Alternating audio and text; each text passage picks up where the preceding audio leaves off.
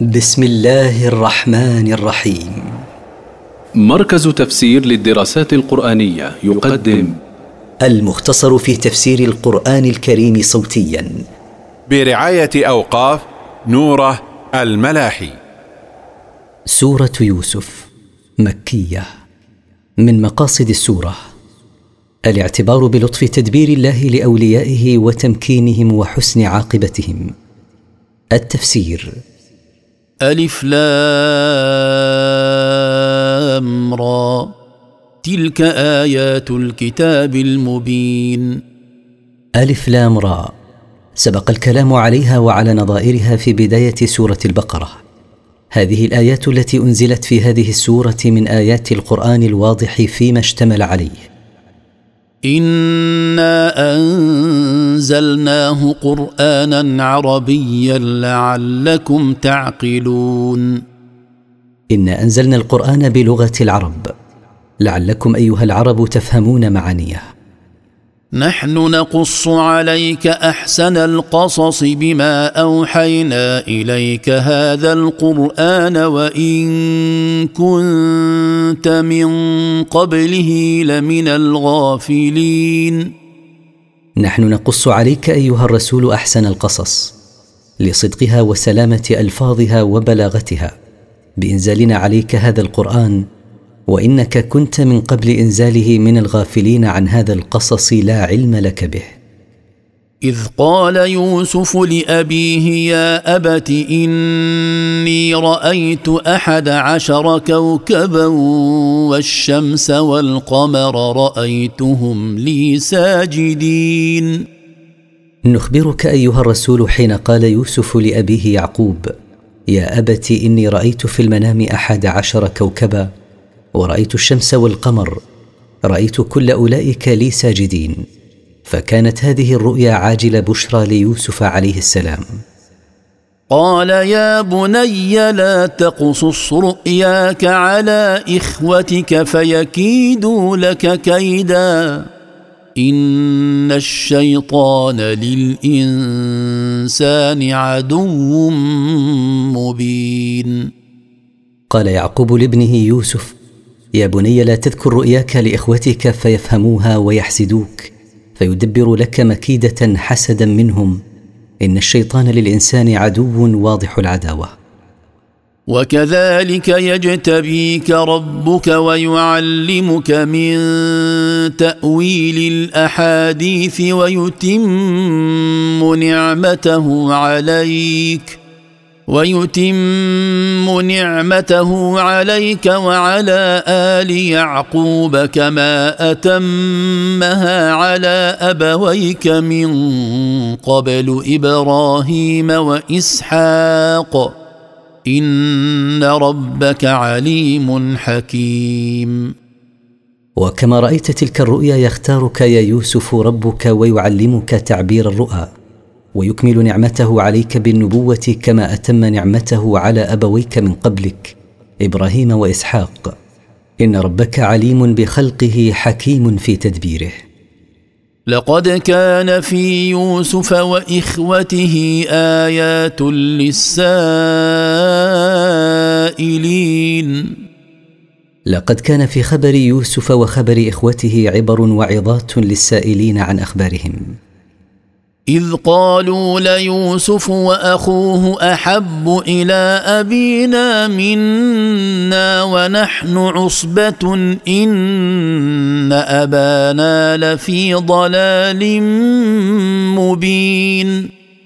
حين قال إخوته فيما بينهم ليوسف وأخوه الشقيق أحب إلى أبينا منا ونحن جماعة ذو عدد فكيف فضلهما علينا؟ أنا لنراه في خطا بين حين فضلهما علينا من غير سبب يظهر لنا.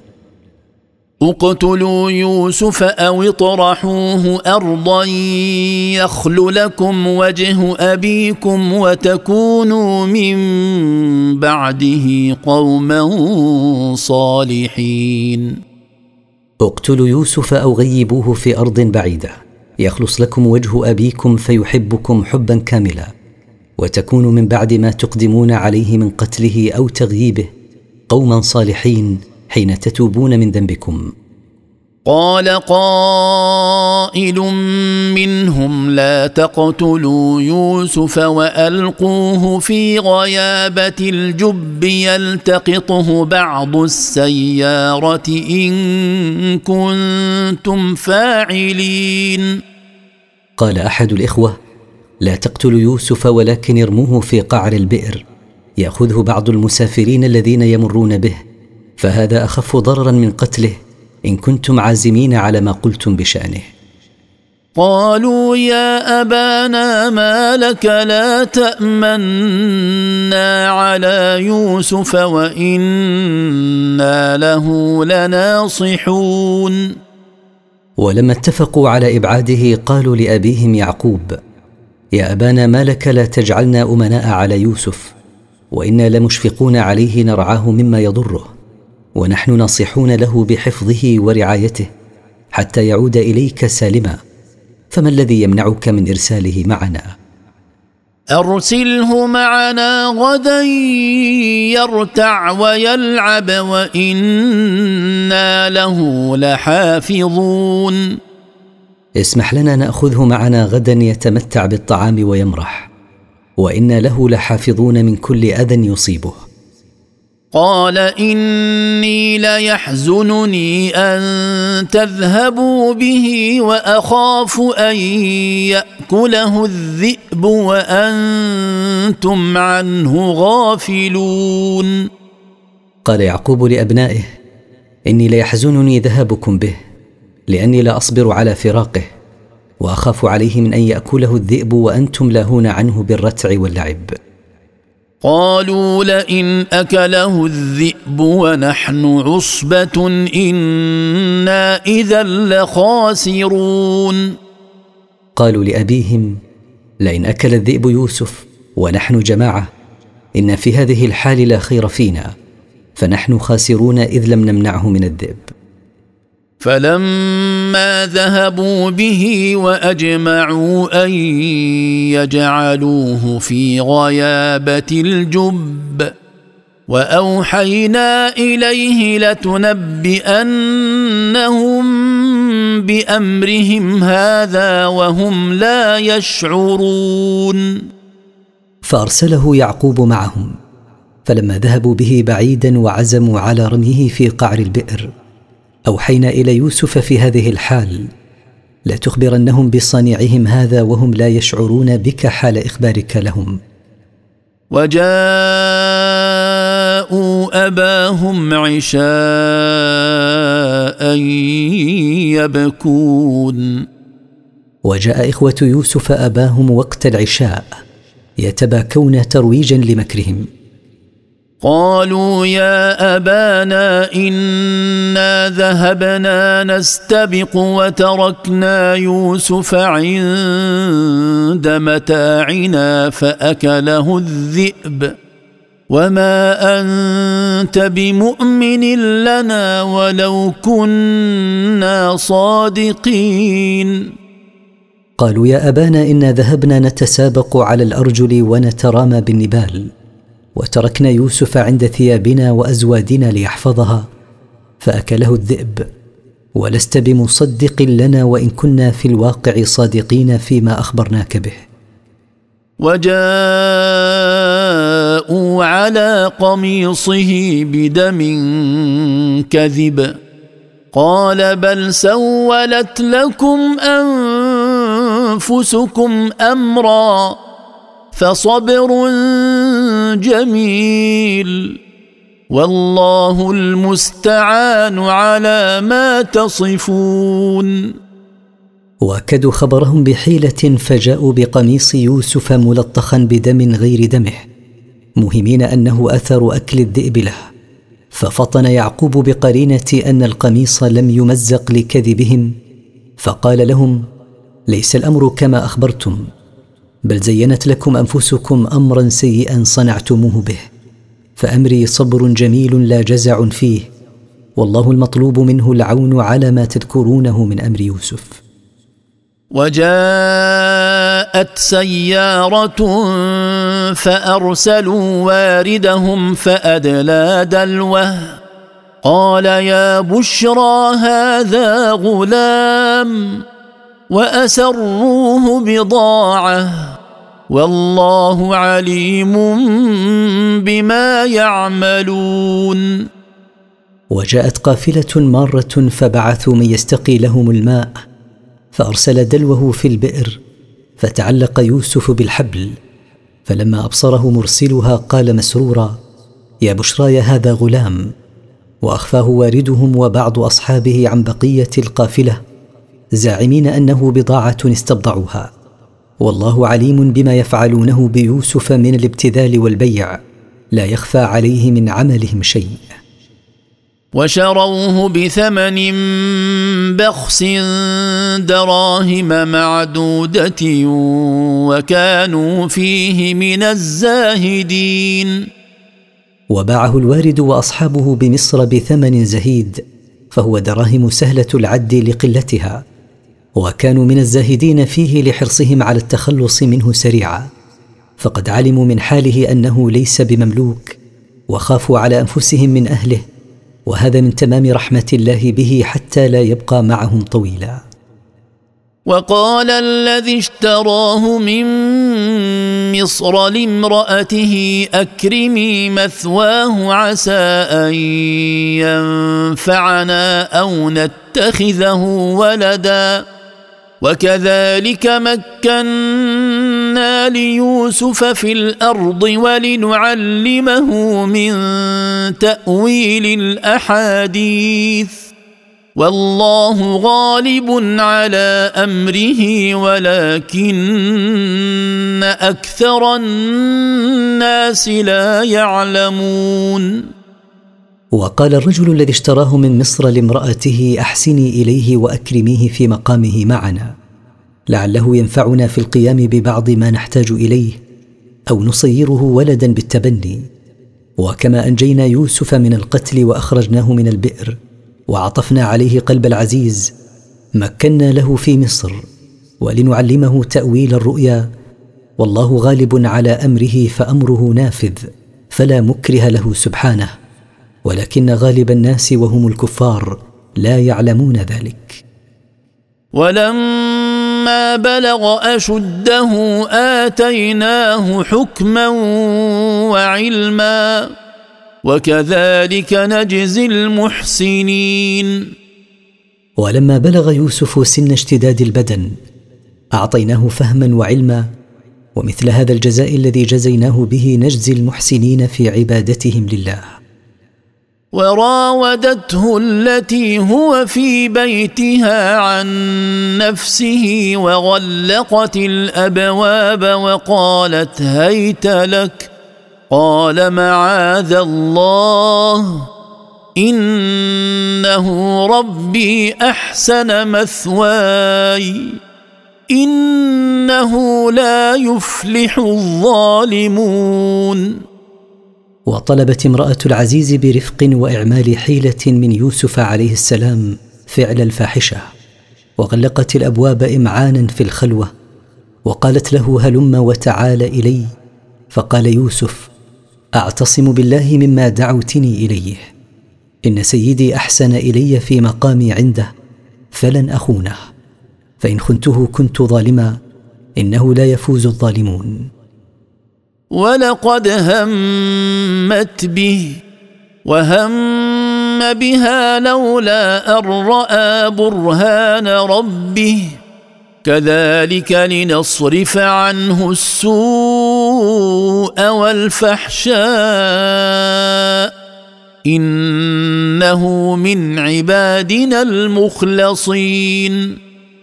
ولقد رغبت نفسها في فعل الفاحشة وخطر على نفسه هو ذلك.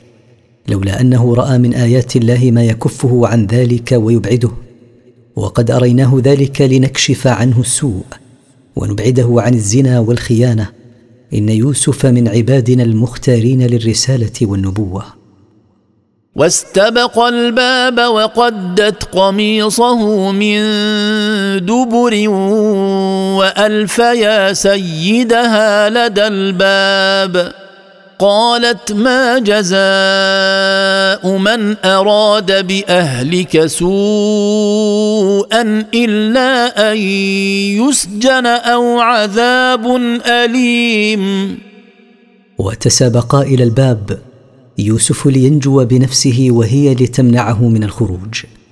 فأمسكت بقميصه لتمنعه من الخروج فشقته من خلفه ووجد زوجها عند الباب. قالت امرأة العزيز للعزيز محتالة ليس عقاب من قصد بزوجتك يا عزيز فعل الفاحشة إلا السجن أو أن يعذب عذابا موجعا. قال هي راودتني عن نفسي. وشهد شاهد من أهلها إن كان قميصه قد من قبل فصدقت وهو من الكاذبين. قال يوسف عليه السلام هي التي طلبت مني الفاحشة ولم اردها منها وجعل الله صبيا من أهلها يتكلم في المهد فشهد بقوله إن كان قميص يوسف شق من أمامه فذلك قرينة على صدقها لأنها كانت تمنعه من نفسها فهو كاذب. وإن كان قميصه قد من دبر فكذبت وهو من الصادقين. وإن كان قميصه شق من خلفه فذلك قرينة على صدقه لكونها كانت تراوده وهو هارب عنها فهي كاذبة. فلما رأى قميصه قد من دبر قال إنه من كيدكن إن كيدكن عظيم. فلما شهد العزيز أن قميص يوسف عليه السلام شق من خلفه تحقق من صدق يوسف وقال إن هذا القذف الذي قذفته به من جملة مكركن معشر النساء إن مكركن مكر قوي. يوسف أعرض عن هذا واستغفري لذنبك إنك كنت من الخاطئين. وقال ليوسف يا يوسف اضرب عن هذا الأمر صفحا ولا تذكره لأحد. واطلبي أنت المغفرة لإثمك. إنك كنت من الآثمين بسبب مراودة يوسف عن نفسه. وقال نسوة في المدينة امرأة العزيز تراود فتاها عن نفسه. قد شغفها حبا. إنا لنراها في ضلال مبين. وانتشر خبرها في المدينة وقالت طائفة من النساء على سبيل الإنكار زوجة العزيز تدعو عبدها إلى نفسها قد وصل حبه شغاف قلبها أي غلافة. إنا لنراها بسبب مراودتها له وحبها إياه وهو عبدها في ضلال واضح. فلما سمعت بمكرهن أرسلت إليهن وأعتدت لهن متكئا وأعتدت لهن متكئا وآتت كل واحدة منهن سكينا وقالت اخرج عليهن. فلما رأينه أكبرنه وقطعن أيديهن وقلن حاش لله وقطعن أيديهن وقلن حاش لله ما هذا بشرا إن هذا إلا ملك كريم. فلما سمعت امرأة العزيز إنكارهن عليها واغتيابهن إياها بعثت إليهن تدعوهن ليرين يوسف فيعذرنها وهيأت لهن محلا فيه فراش ووسائد وأعطت كل واحدة من المدعوات سكينا تقطع به الطعام وقالت ليوسف عليه السلام أخرج عليهن. فلما نظرن إليه أعظمنه واندهشن لحسنه وانبهرن بجماله وجرحن أيديهن من شدة الانبهار به بالسكاكين المعدة لقطع الطعام. وقلنا تنزه الله ليس هذا الغلام بشرا فما هو فيه من الجمال لم يعهد في البشر ليس إلا ملكا كريما من الملائكة الكرام. قالت فذلكن الذي لمتنني فيه ولقد راودته عن نفسه فاستعصم.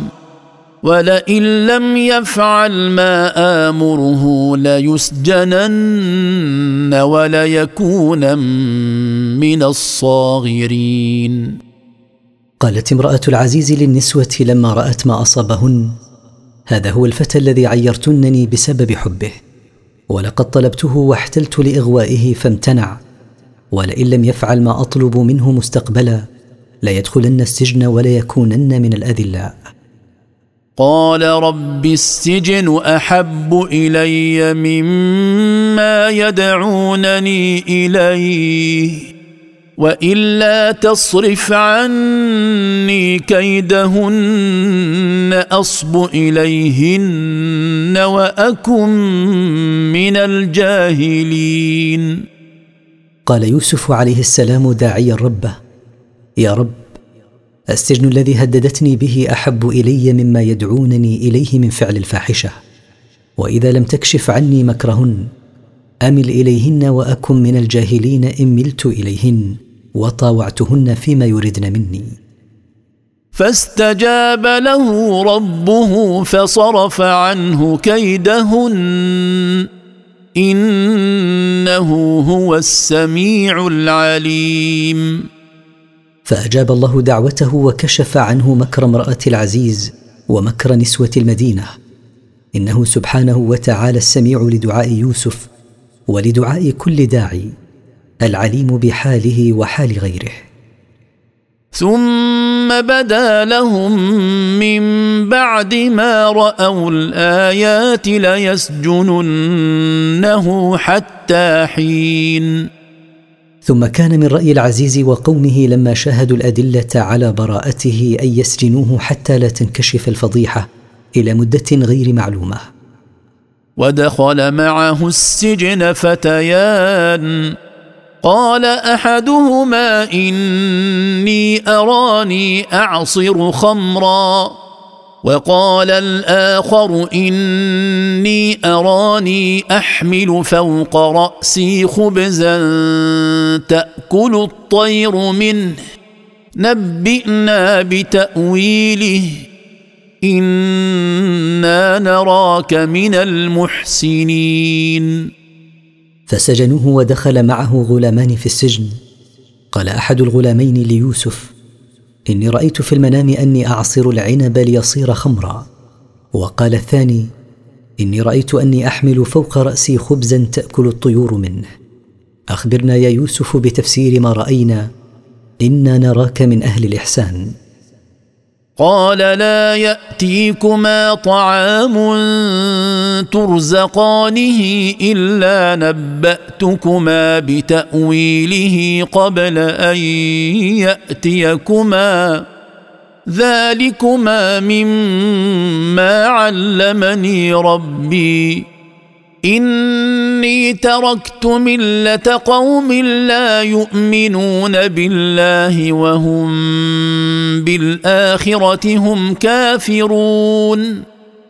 قال يوسف عليه السلام لا يأتيكما طعام يجري عليكما من الملك أو غيره إلا بينت لكما حقيقته وكيفيته قبل أن يأتيكما. ذلكما التأويل الذي أعلمه هو مما علمنيه ربي. لا من الكهانة ولا من التنجيم إني تركت دين قوم لا يؤمنون بالله وهم بالآخرة كافرون. واتبعت ملة آبائي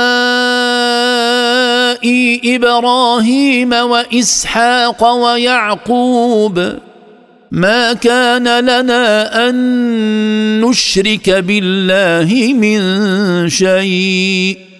ذلك من فضل الله علينا وعلى الناس ولكن أكثر الناس لا يشكرون.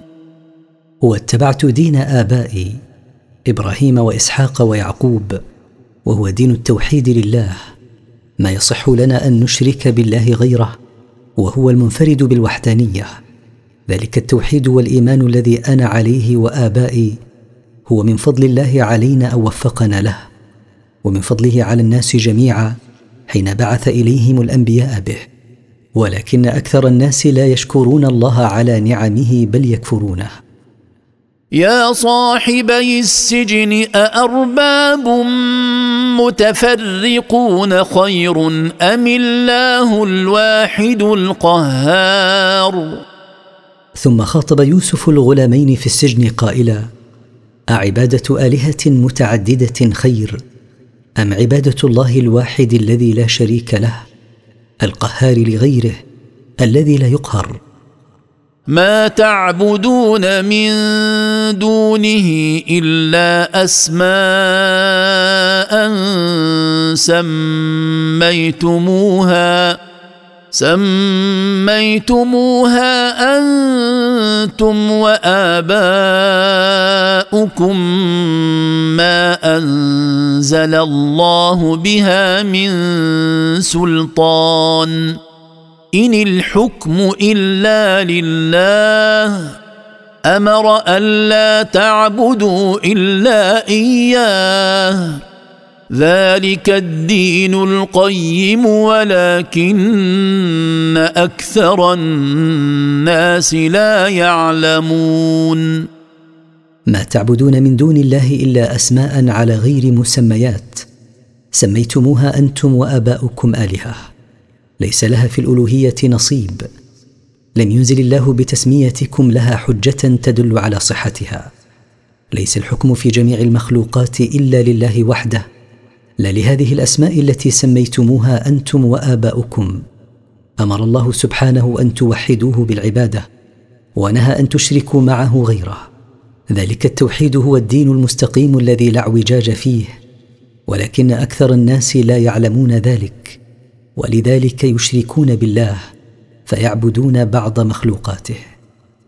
يا صاحبي السجن أما أحدكما فيسقي ربه خمرا وأما الآخر فيصلب فتأكل الطير من رأسه. قضي الأمر الذي فيه تستفتيان. يا رفيقي السجن أما الذي رأى أنه يعصر عنبا ليصير خمرا فإنه يخرج من السجن ويرجع إلى عمله فيسقي الملك. وأما الذي رأى أن فوق رأسه خبزا تأكل الطير منه فإنه يقتل ويصلب فتأكل الطير من لحم رأسه. فرغ الأمر الذي طلبتما الفتيا فيه وتم فهو واقع لا محالة. وقال للذي ظن إنه ناج منهما اذكرني عند ربك فأنساه الشيطان فأنساه الشيطان ذكر ربه فلبث في السجن بضع سنين. وقال يوسف للذي ظن أنه ناج منهما وهو ساقي الملك اذكر قصتي وشأني عند الملك. لعله يخرجني من السجن. فأنسى الشيطان الساقي ذكر يوسف عند الملك فمكث يوسف في السجن بعد ذلك عدة سنوات. وقال الملك إني أرى سبع بقرات سمان يأكلهن سبع عجاف وسبع سنبلات خضر وأخر يابسات. يا أيها الملأ أفتوني في رؤياي إن كنتم للرؤيا تعبرون. وقال الملك إني رأيت في المنام سبع بقرات سمان يأكلهن سبع بقرات هزيلات ورأيت سبع سنبلات خضر وسبع سنبلات يابسات. يا أيها السادة والأشراف أخبروني بتأويل رؤياي هذه. إن كنتم عالمين بتأويل الرؤيا. قالوا اضواث أحلام وما نحن بتأويل الأحلام بعالمين. قالوا رؤياك أخلاط أحلام وما كان كذلك فلا تأويل له ولسنا عالمين بتأويل الأحلام المختلطة. وقال الذي نجا منهما وادكر بعد أمة أنا أنبئكم بتأويله فأرسلون. وقال الساقي الذي نجا من الغلامين السجينين وتذكر يوسف عليه السلام وما هو عليه من علم تأويل الرؤيا بعد مدة. أنا أخبركم بتأويل ما رآه الملك بعد سؤال من له علم بتأويلها. فابعثني أيها الملك إلى يوسف ليؤول رؤياك. يوسف أيها الصديق أفتنا في سبع بقرات سمان يأكلهن سبع عجاف وسبع سنبلات خضر وأخر يابسات لعلي أرجع إلى الناس لعلهم يعلمون. فلما وصل الناجي إلى يوسف قال له يا يوسف أيها الصديق أخبرنا عن تأويل من رأى سبع بقرات سمان يأكلهن سبع بقرات هزيلات ورأى سبع سنبلات خضر ورأى سبع سنبلات يابسات.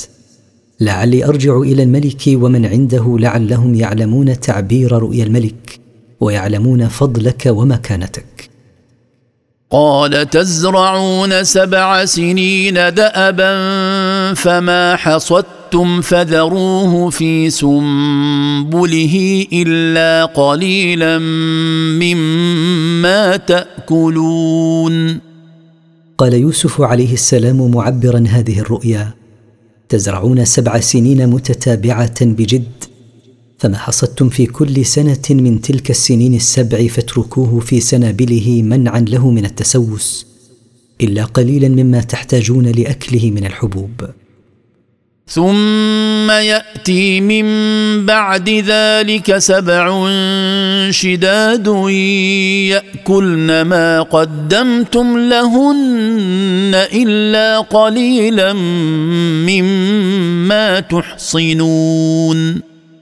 ثم تجيء من بعد تلك السنين السبع المخصبة التي زرعتم فيها سبع سنين مجدبة. يأكل الناس فيها كل ما حصد في السنين المخصبة إلا قليلا مما تحفظونه مما يكون بذرا. ثم يأتي من بعد ذلك عام فيه يغاث الناس وفيه يعصرون. ثم يجيء بعد تلك السنين المجدبة عام تنزل فيه الأمطار وتنبت الزروع ويعصر فيه الناس ما يحتاج للعصر كالعنب والزيتون والقصب. وقال الملك ائتوني به فلما جاءه الرسول قال ارجع إلى ربك فاسأله ما بال النسوة اللاتي قطعن أيديهن. إن ربي بكيدهن عليم. وقال الملك لأعوانه لما بلغه تعبير يوسف لرؤياه أخرجوه من السجن وأتوني به. فلما جاء يوسف رسول الملك قال له ارجع إلى سيدك الملك فاسأله عن قصة النسوة اللاتي جرحن أيديهن حتى تظهر براءته قبل الخروج من السجن. إن ربي بما صنعن بي من المراودة عليم لا يخفى عليه شيء من ذلك.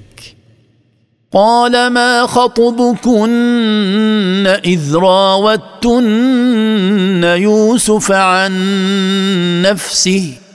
قلن حاش لله ما علمنا عليه من سوء. قالت امرأة العزيز الآن حصحص الحق أنا راودته عن نفسه وإنه لمن الصادقين. قال الملك مخاطبا النسوة ما شأنكن حين طلبتن يوسف بحيلة ليعمل الفاحشة معكن؟ قالت النسوة جوابا للملك حاش لله أن يكون يوسف متهما والله ما علمنا عليه من سوء. فعند ذلك قالت زوجة العزيز مقرة بما صنعت الآن ظهر الحق. أنا حاولت إغواءه ولم يحاول إغوائي وإنه لمن الصادقين فيما ادعاه من براءته مما رميته به. ذلك ليعلم أني لم أخنه بالغيب وأن الله لا يهدي كيد الخائنين. قالت امرأة العزيز ليعلم يوسف حين أقررت أني أنا الذي راودته وأنه صادق أني لم افتر عليه في غيابه فقد تبين لي مما حصل أن الله لا يوفق من يكذب ويمكر. وما ابرئ نفسي ان النفس لاماره بالسوء الا ما رحم ربي ان ربي غفور رحيم وواصلت امرأة العزيز كلامها قائلة وما انزه نفسي عن إرادة السوء وما أردت بذلك تزكية نفسي لأن شأن النفس البشرية كثرة الأمر بالسوء لميلها إلى ما تشتهيه وصعوبة كفها عنه إلا من رحمه الله من النفوس فعصمها من الأمر بالسوء. إن ربي غفور لمن تاب من عباده رحيم بهم. وقال الملك ائتوني به أستخلصه لنفسي. فلما كلمه قال إنك اليوم لدينا مكين أمين. وقال الملك لأعوانه لما تبين براءة يوسف وعلمها جئوني به أجعله خالصا لنفسي. فجاءوه به فلما كلمه وتبين له علمه وعقله قال له إنك يا يوسف قد صرت اليوم عندنا صاحب مكانة وجاه ومؤتمنا. قال جعلني على خزائن الأرض. إني حفيظ عليم. قال يوسف للملك ولني على حفظ خزائن المال والأقوات في أرض مصر فإني خازن أمين ذو علم وبصيرة بما أتولاه. وكذلك مكنا ليوسف في الأرض يتبوأ منها حيث يشاء. نصيب برحمتنا من نشاء. ولا نضيع أجر المحسنين. وكما مننا على يوسف بالبراءة والخلاص من السجن مننا عليه بالتمكين له في مصر. ينزل ويقيم في أي مكان شاء. نعطي من رحمتنا في الدنيا من نشاء من عبادنا ولا نضيع ثواب المحسنين بل نوفيهم إياه كاملا غير منقوص. ولأجر الآخرة خير للذين آمنوا وكانوا يتقون. ولثواب الله الذي أعده في الآخرة خير من ثواب الدنيا للذين آمنوا بالله وكانوا يتقونه بامتثال أوامره واجتناب نواهيه. وجاء إخوة يوسف فدخلوا عليه فعرفهم وهم له منكرون. وقدم إخوة يوسف إلى أرض مصر ببضاعة لهم فدخلوا عليه فعرف أنهم إخوته ولم يعرفوا أنه أخوهم. لطول المدة وتغير هيئته لأنه كان صبيا حين رموه في البئر. ولما جهزهم بجهازهم قال ائتوني بأخ لكم من أبيكم ألا ترون أني أوفي الكيل وأنا خير المنزلين؟ ولما أعطاهم ما طلبوه من الميرة والزاد قال بعد أن أخبروه أن لهم أخا من أبيهم تركوه عند أبيه جيئوني بأخيكم من أبيكم أزدكم حمل بعير. ألا ترون أني أكمل الكيل ولا أنقصه وأنا خير المضيفين. فإن لم تأتوني به فلا كيل لكم عندي ولا تقربون. فإن لم تجيئوني به تبين كذبكم في دعواكم أن لكم أخا من أبيكم فلن أكيل لكم طعاما ولا تقربوا بلدي. قالوا سنراود عنه أباه وإنا لفاعلون. فأجابه إخوته قائلين سنطلبه من أبيه ونجتهد في ذلك وإنا لفاعلون ما أمرتنا به دون تقصير. وقال لفتيانه جعلوا بضاعتهم في رحالهم لعلهم يعرفونها لعلهم يعرفونها إذا انقلبوا إلى أهلهم لعلهم يرجعون. وقال يوسف لعماله ردوا بضاعة هؤلاء إليهم حتى يعرفوا عند عودتهم أننا لم نبتعها منهم. وهذا يجبرهم على الرجوع ثانية ومعهم أخوهم ليثبتوا ليوسف صدقهم ويقبل منهم بضاعتهم. فلما رجعوا إلى أبيهم قالوا يا أبانا منع منا الكيل فأرسل معنا أخانا. فأرسل معنا أخانا نكتل وإنا له لحافظون. فلما رجعوا إلى أبيهم وقصوا عليه ما كان من إكرام يوسف لهم. قالوا يا أبانا منع منا الكيل إن لم نأتي بأخينا معنا فابعثه معنا. فإنك إن بعثته معنا نكتل الطعام وإنا لنتعهد لك بحفظه حتى يرجع إليك سالما. قال هل آمنكم عليه إلا كما أمنتكم على أخيه من قبل فالله خير حافظا وهو أرحم الراحمين. قال لهم أبوهم هل آمنكم عليه إلا كما أمنتكم على أخيه الشقيق يوسف من قبل؟ فقد أمنتكم عليه وتعهدتم بحفظه. ولم تفوا بما تعهدتم به. فلا ثقة عندي بتعهدكم بحفظه وإنما ثقتي بالله فهو خير الحافظين لمن أراد حفظه وأرحم الراحمين بمن أراد رحمته. ولما فتحوا متاعهم وجدوا بضاعتهم ردت إليهم قالوا يا أبانا ما نبغي هذه بضاعتنا ردت إلينا ونمير أهلنا ونحفظ أخانا ونزداد كيل بعير. ذلك كيل يسير. ولما فتحوا أوعية طعامهم الذي جلبوه وجدوا ثمنه رد إليهم فقالوا لأبيهم أي شيء نطلب من هذا العزيز بعد هذا الإكرام؟ وهذا ثمن طعامنا رده العزيز تفضلا منه علينا.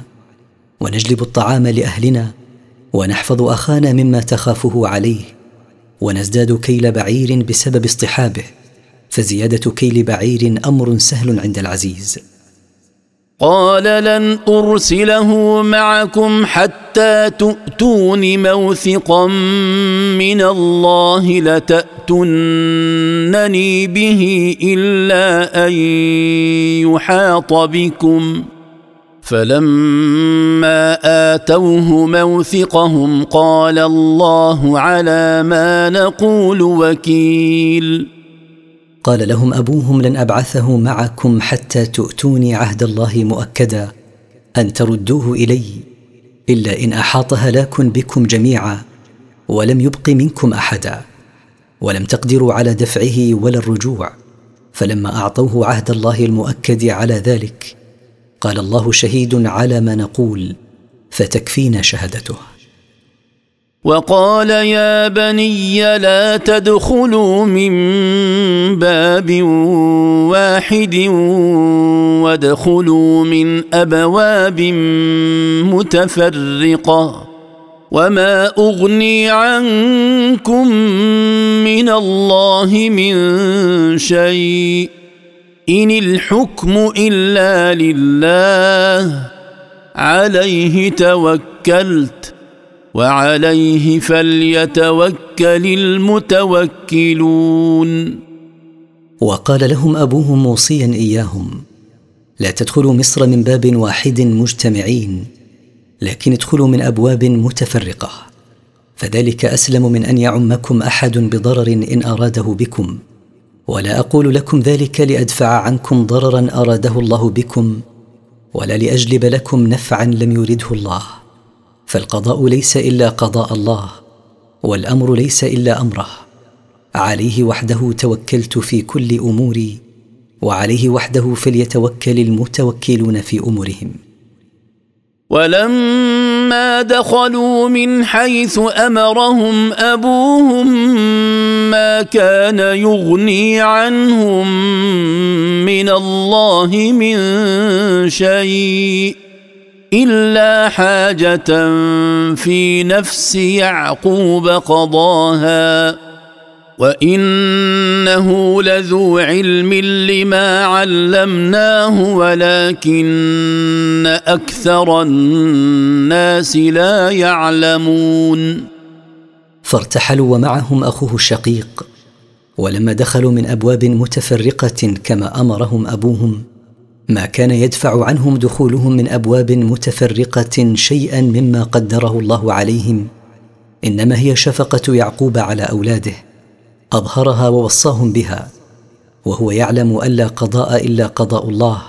فهو عالم بما علمناه من الإيمان بالقدر والأخذ بالأسباب. ولكن أكثر الناس لا يعلمون ذلك.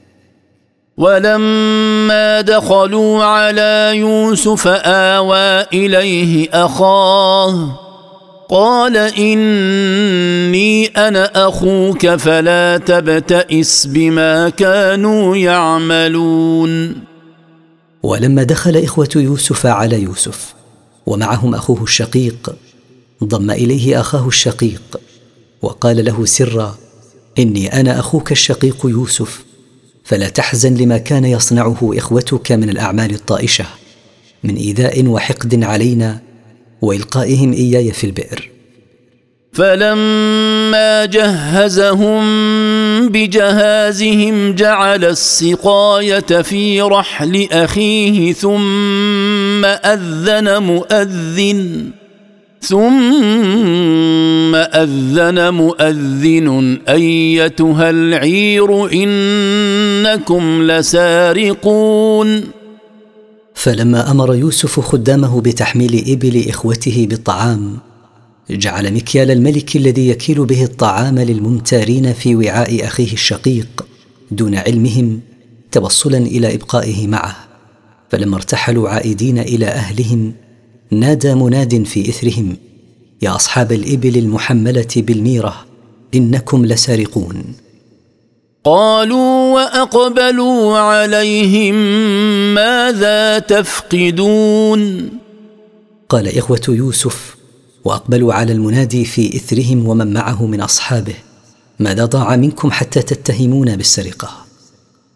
قالوا نفقد صواع الملك ولمن جاء به حمل بعير وأنا به زعيم.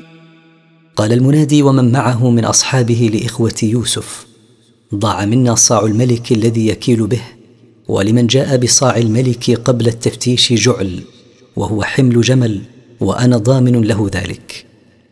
قالوا تالله لقد علمتم ما جئنا لنفسد في الأرض وما كنا سارقين.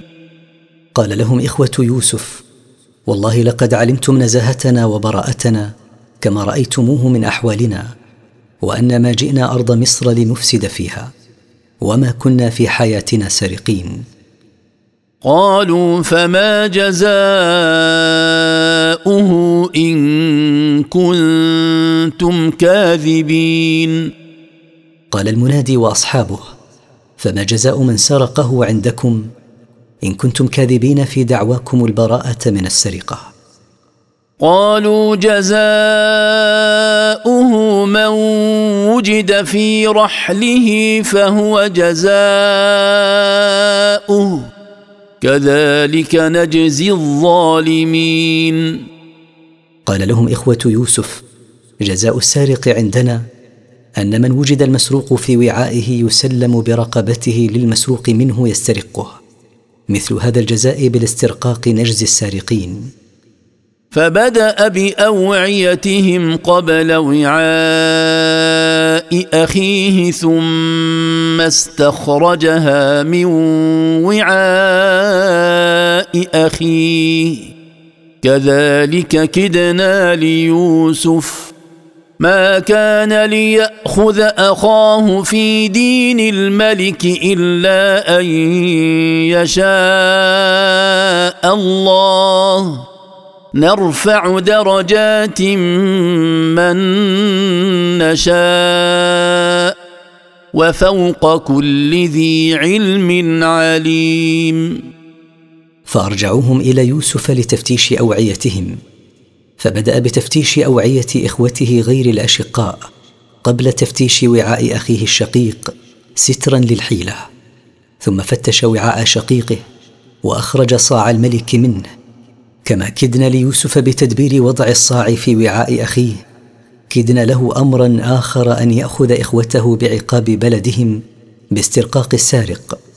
هذا الأمر لا يتحقق لو عمل بعقاب الملك للسارق الذي هو الضرب والتغريم إلا أن يشاء الله تدبيرا آخر فهو قادر عليه. نرفع مراتب من نشاء من عبادنا كما رفعنا مرتبة يوسف.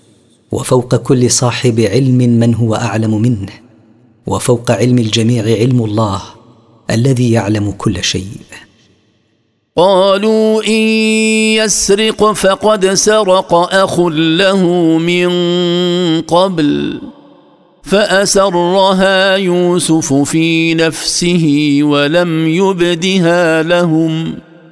قال أنتم شر مكانا والله أعلم بما تصفون. قال إخوة يوسف إن يسرق فلا عجب فقد سرق أخ له شقيق من قبل سرقته هو يعنون يوسف عليه السلام فاخفى يوسف تأذيه بقولتهم هذه ولم يظهرها لهم. قال لهم في نفسه ما أنتم عليه من حسد وصنيع سوء سبق منكم هو الشر بعينه في هذا المقام والله تعالى أعلم بهذا الافتراء الذي يصدر منكم. قالوا يا أيها العزيز إن له أبا شيخا كبيرا فخذ أحدنا مكانه. إنا نراك من المحسنين. قال إخوة يوسف ليوسف أيها العزيز إن له والدا شيخا طاعنا في السن يحبه كثيرا فأمسك أحدنا بدلا منه إنا نراك من المحسنين في معاملتنا ومعاملة غيرنا فأحسن إلينا بذلك. قال معاذ الله أن نأخذ إلا من وجدنا متاعنا عنده إنا إذا لظالمون. قال يوسف عليه السلام عياذا بالله أن نظلم بريئا بجرم ظالم فنمسك غير من وجدنا صاع الملك في وعائه. إن إن فعلنا ذلك لظالمون. حيث عاقبنا بريئا وتركنا جانيا. فلما استيئسوا منه خلصوا نجيا. قال كبيرهم ألم تعلموا أن أباكم قد أخذ عليكم موثقا من الله ومن قبل ما فرطتم في يوسف؟ فلن أبرح الأرض حتى يأذن لي أبي أو يحكم الله لي وهو خير الحاكمين. فلما يئسوا من إجابة يوسف لطلبهم انفردوا عن الناس للتشاور. قال أخوهم الكبير أذكركم أن أباكم قد أخذ عليكم عهد الله مؤكدا.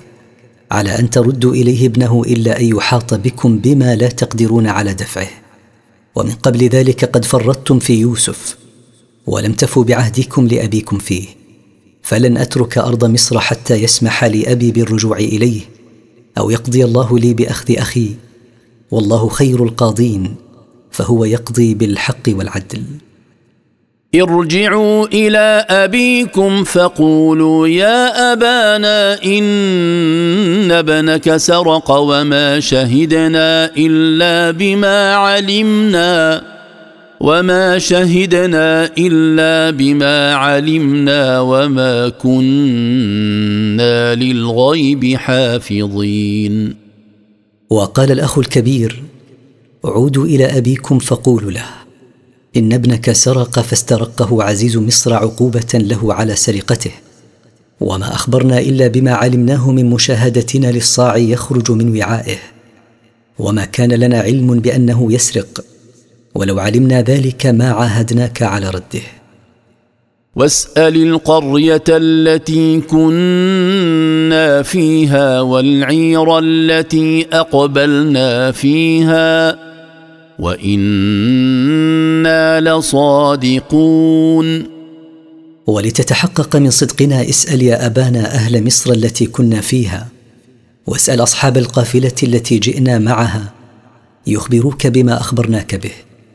وإنا لصادقون حقا فيما أخبرناك به من سرقته. قال بل سولت لكم انفسكم امرا فصبر جميل.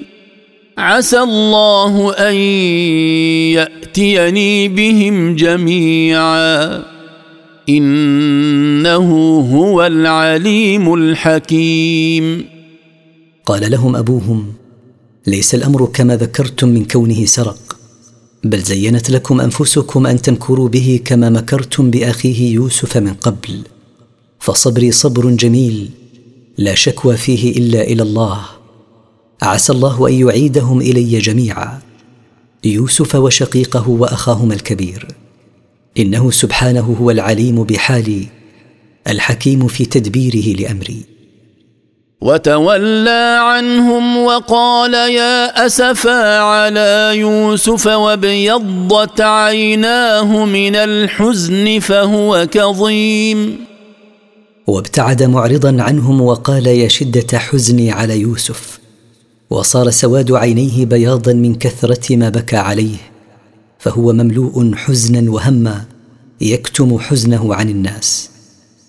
قالوا تالله تفتأ تذكر يوسف حتى تكون حرضا أو تكون من الهالكين. قال إخوة يوسف لأبيهم تالله لا تزال يا أبانا تذكر يوسف وتتفجع عليه حتى يشتد بك المرض أو تهلك فعلا. قال إنما أشكو بثي وحزني إلى الله وأعلم من الله ما لا تعلمون. قال لهم أبوهم ما أشكو ما أصابني من الهم والحزن إلا إلى الله وحده.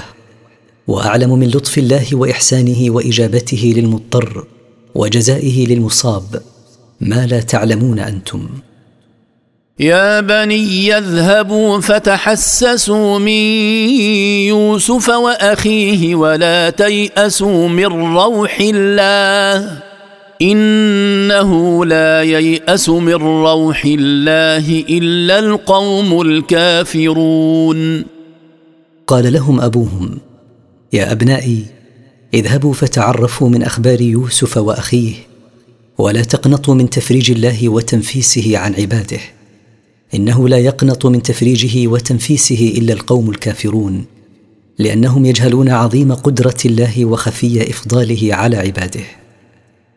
فلما دخلوا عليه قالوا يا أيها العزيز مسنا وأهلنا الضر وجئنا ببضاعة مزجاة وجئنا ببضاعة مزجاة فاوف لنا الكيل وتصدق علينا إن الله يجزي المتصدقين. فامتثلوا أمر أبيهم وذهبوا بحثا عن يوسف وأخيه. فلما دخلوا على يوسف قالوا له أصابتنا الشدة والفقر وأتينا ببضاعة حقيرة زهيدة فكل لنا كيلا وافيا كما كنت تكيل لنا من قبل وتصدق علينا بزيادة على ذلك أو بالتغاضي عن بضاعتنا الحقيرة.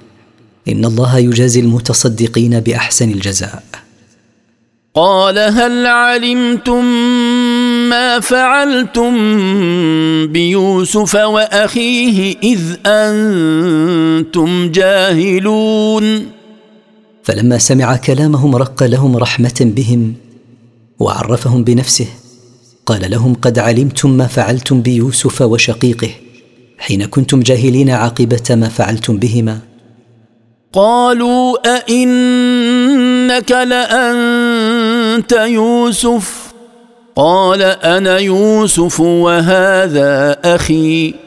قد من الله علينا. إنه من يتق ويصبر فإن الله لا يضيع أجر المحسنين. فتفاجأوا وقالوا أئنك أنت يوسف؟ قال لهم يوسف نعم أنا يوسف. وهذا الذي ترون معي أخي الشقيق قد تفضل الله علينا بالخلاص مما كنا فيه. وبرفع القدر إنه من يتق الله بامتثال أوامره واجتناب نواهيه ويصبر على البلاء فإن عمله من الإحسان. والله لا يضيع أجر المحسنين بل يحفظه لهم. قالوا تالله لقد آثرك الله علينا وإن كنا لخاطئين. قال له إخوته معتذرين عما صنعوا به تالله لقد فضلك الله علينا بما أعطاك من صفات الكمال ولقد كنا فيما صنعنا بك مسيئين ظالمين. قال لا تثريب عليكم اليوم. يغفر الله لكم وهو أرحم الراحمين. فقبل يوسف اعتذارهم وقال لا لوم عليكم اليوم يقتضي عقابكم ولا توبيخ أسأل الله أن يغفر لكم وهو سبحانه أرحم الراحمين. اذهبوا بقميصي هذا فألقوه على وجه أبي يأت بصيرا وأتوني بأهلكم أجمعين. فأعطاهم قميصه لما أعلموه بما آل إليه بصر أبيه وقال اذهبوا بقميصي هذا فاطرحوه على وجه أبي يعد له بصره وأحضروا إلي أهليكم كلهم.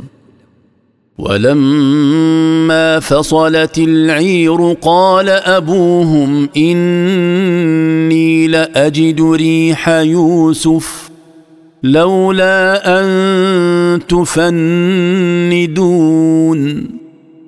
ولما خرجت القافلة منطلقة من مصر وفارقت العامر منها قال يعقوب عليه السلام لأبنائه ولمن عنده في أرضه إني لأشم رائحة يوسف. لولا أنكم تجهلونني وتنسبونني إلى الخرف. بقولكم هذا شيخ خرف يقول ما لا يعلم. قالوا تالله إنك لفي ضلالك القديم. قال من عنده من ولده والله إنك لا تزال في توهمك السابق بشأن منزلة يوسف عندك وإمكانية رؤيته ثانية. فلما أن جاء البشير ألقاه على وجهه فارتد بصيرا. قال ألم أقل لكم إني أعلم من الله ما لا تعلمون. فلما جاء المخبر بما يسر يعقوب ألقى قميص يوسف على وجهه فصار بصيرا. عندئذ قال لأبنائه ألم أقل لكم إني أعلم من لطف الله وإحسانه ما لا تعلمونه أنتم؟ قالوا يا أبانا استغفر لنا ذنوبنا إنا كنا خاطئين. قال أبناؤه معتذرين لأبيهم يعقوب عليه السلام عما فعلوه بيوسف وأخيه. يا أبانا اطلب من الله المغفرة لذنوبنا السابقة. إنا كنا مذنبين مسيئين فيما فعلناه بيوسف وشقيقه. قال سوف أستغفر لكم ربي إنه هو الغفور الرحيم. قال لهم أبوهم سوف أطلب لكم المغفرة من ربي إنه هو الغفور لذنوب التائبين من عباده الرحيم بهم. فلما دخلوا على يوسف آوى إليه أبويه وقال ادخلوا مصر إن شاء الله آمنين.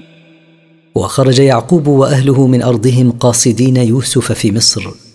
فلما دخلوا عليه ضم إليه آباه وأمه. وقال لإخوته وأهلهم ادخلوا مصر بمشيئة الله آمنين لا يصيبكم فيها أذى. ورفع أبويه على العرش وخروا له سجدا وقال يا أبت هذا تأويل رؤياي من قبل قد جعلها ربي حقا. وقد أحسن بي إذ أخرجني من السجن وجاء بكم من البدو من بعد أن نزغ الشيطان بيني وبين إخوتي. إن ربي لطيف لما يشاء. إنه هو العليم الحكيم. وأجلس أبويه على السرير الذي يجلس عليه وحياه أبواه وإخوته الأحد عشر بالسجود. وكان سجود تشريف لا عبادة تحقيقا لأمر الله كما في الرؤيا. لذا قال يوسف عليه السلام لأبيه هذه التحية بالسجود لي منكم هي تأويل رؤياي التي رأيتها من قبل وقصصتها عليك. قد صيرها ربي حقا بوقوعها. وقد أحسن إلي ربي حين أخرجني من السجن وحين جاء بكم من البادية من بعد أن أفسد الشيطان بيني وبين إخوتي إن ربي لطيف في تدبيره لما يشاء إنه هو العليم بأحوال عباده الحكيم في تدبيره. رب قد آتيتني من الملك وعلمتني من تأويل الأحاديث.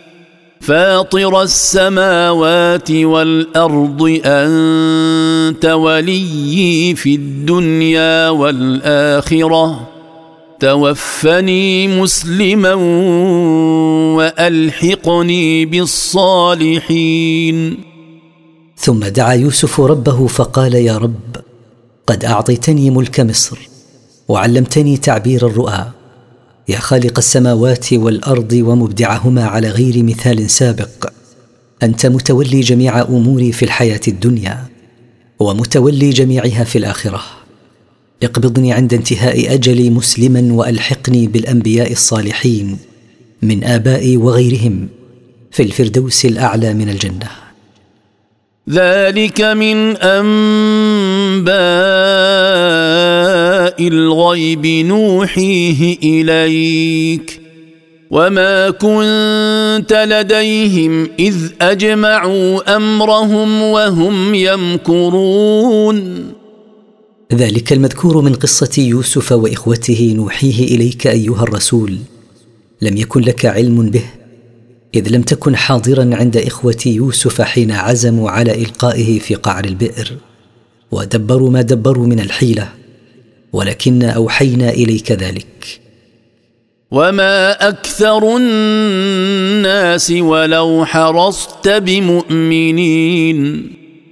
وما أكثر الناس بمؤمنين ولو بذلت أيها الرسول كل جهد ليؤمنوا فلا تذهب نفسك عليهم حسرات.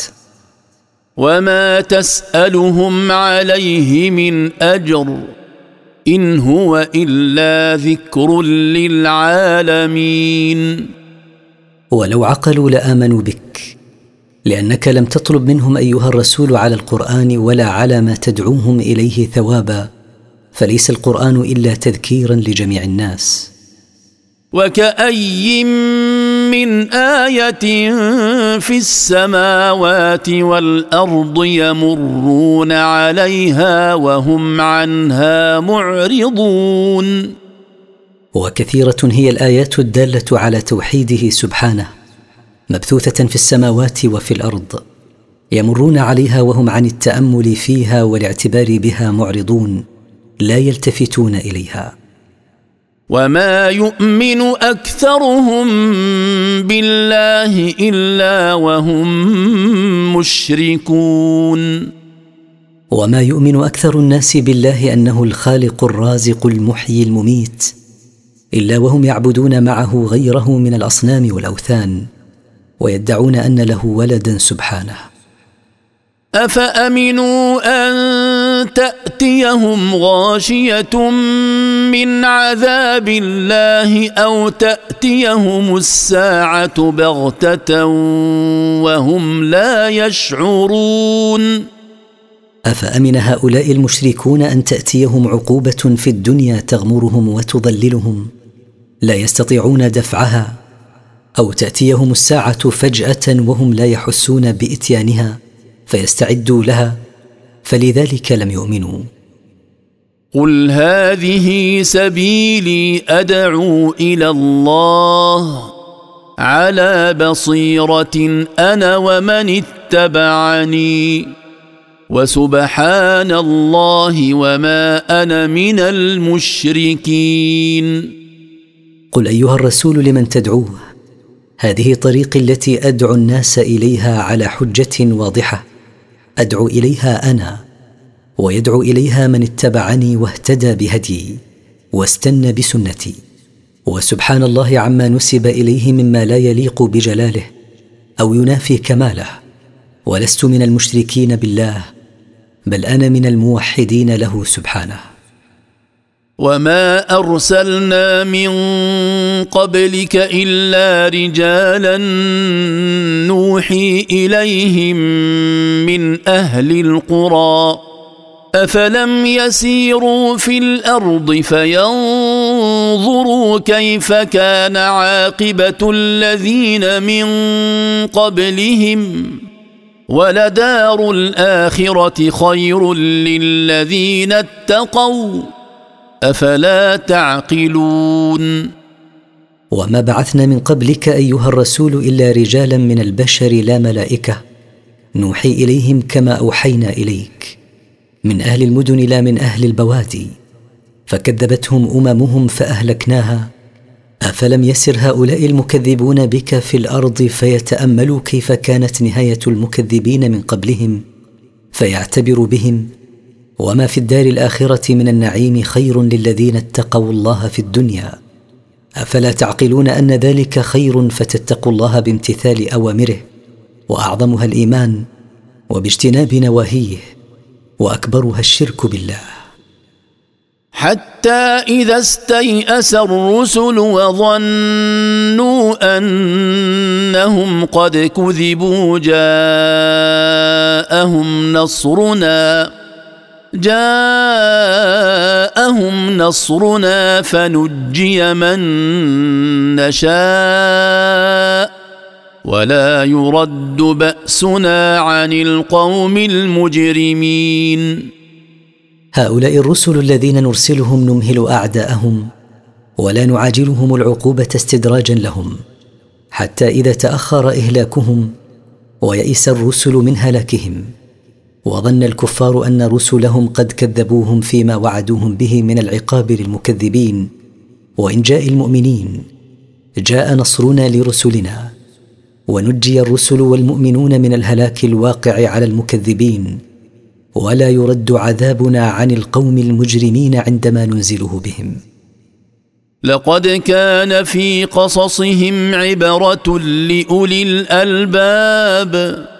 ما كان حديثا يفترى ولكن تصديق الذي بين يديه وتفصيل كل شيء وتفصيل كل شيء وهدى ورحمة لقوم يؤمنون.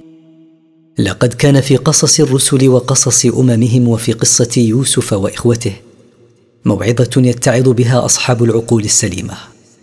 ما كان القرآن المشتمل على ذلك كلاما مختلقا مكذوبا على الله ولكن كان تصديقا للكتب السماوية المنزلة من عند الله وتفصيلا لكل ما يحتاج إلى تفصيله من الأحكام والشرائع وإرشادا لكل خير ورحمة لقوم يؤمنون به.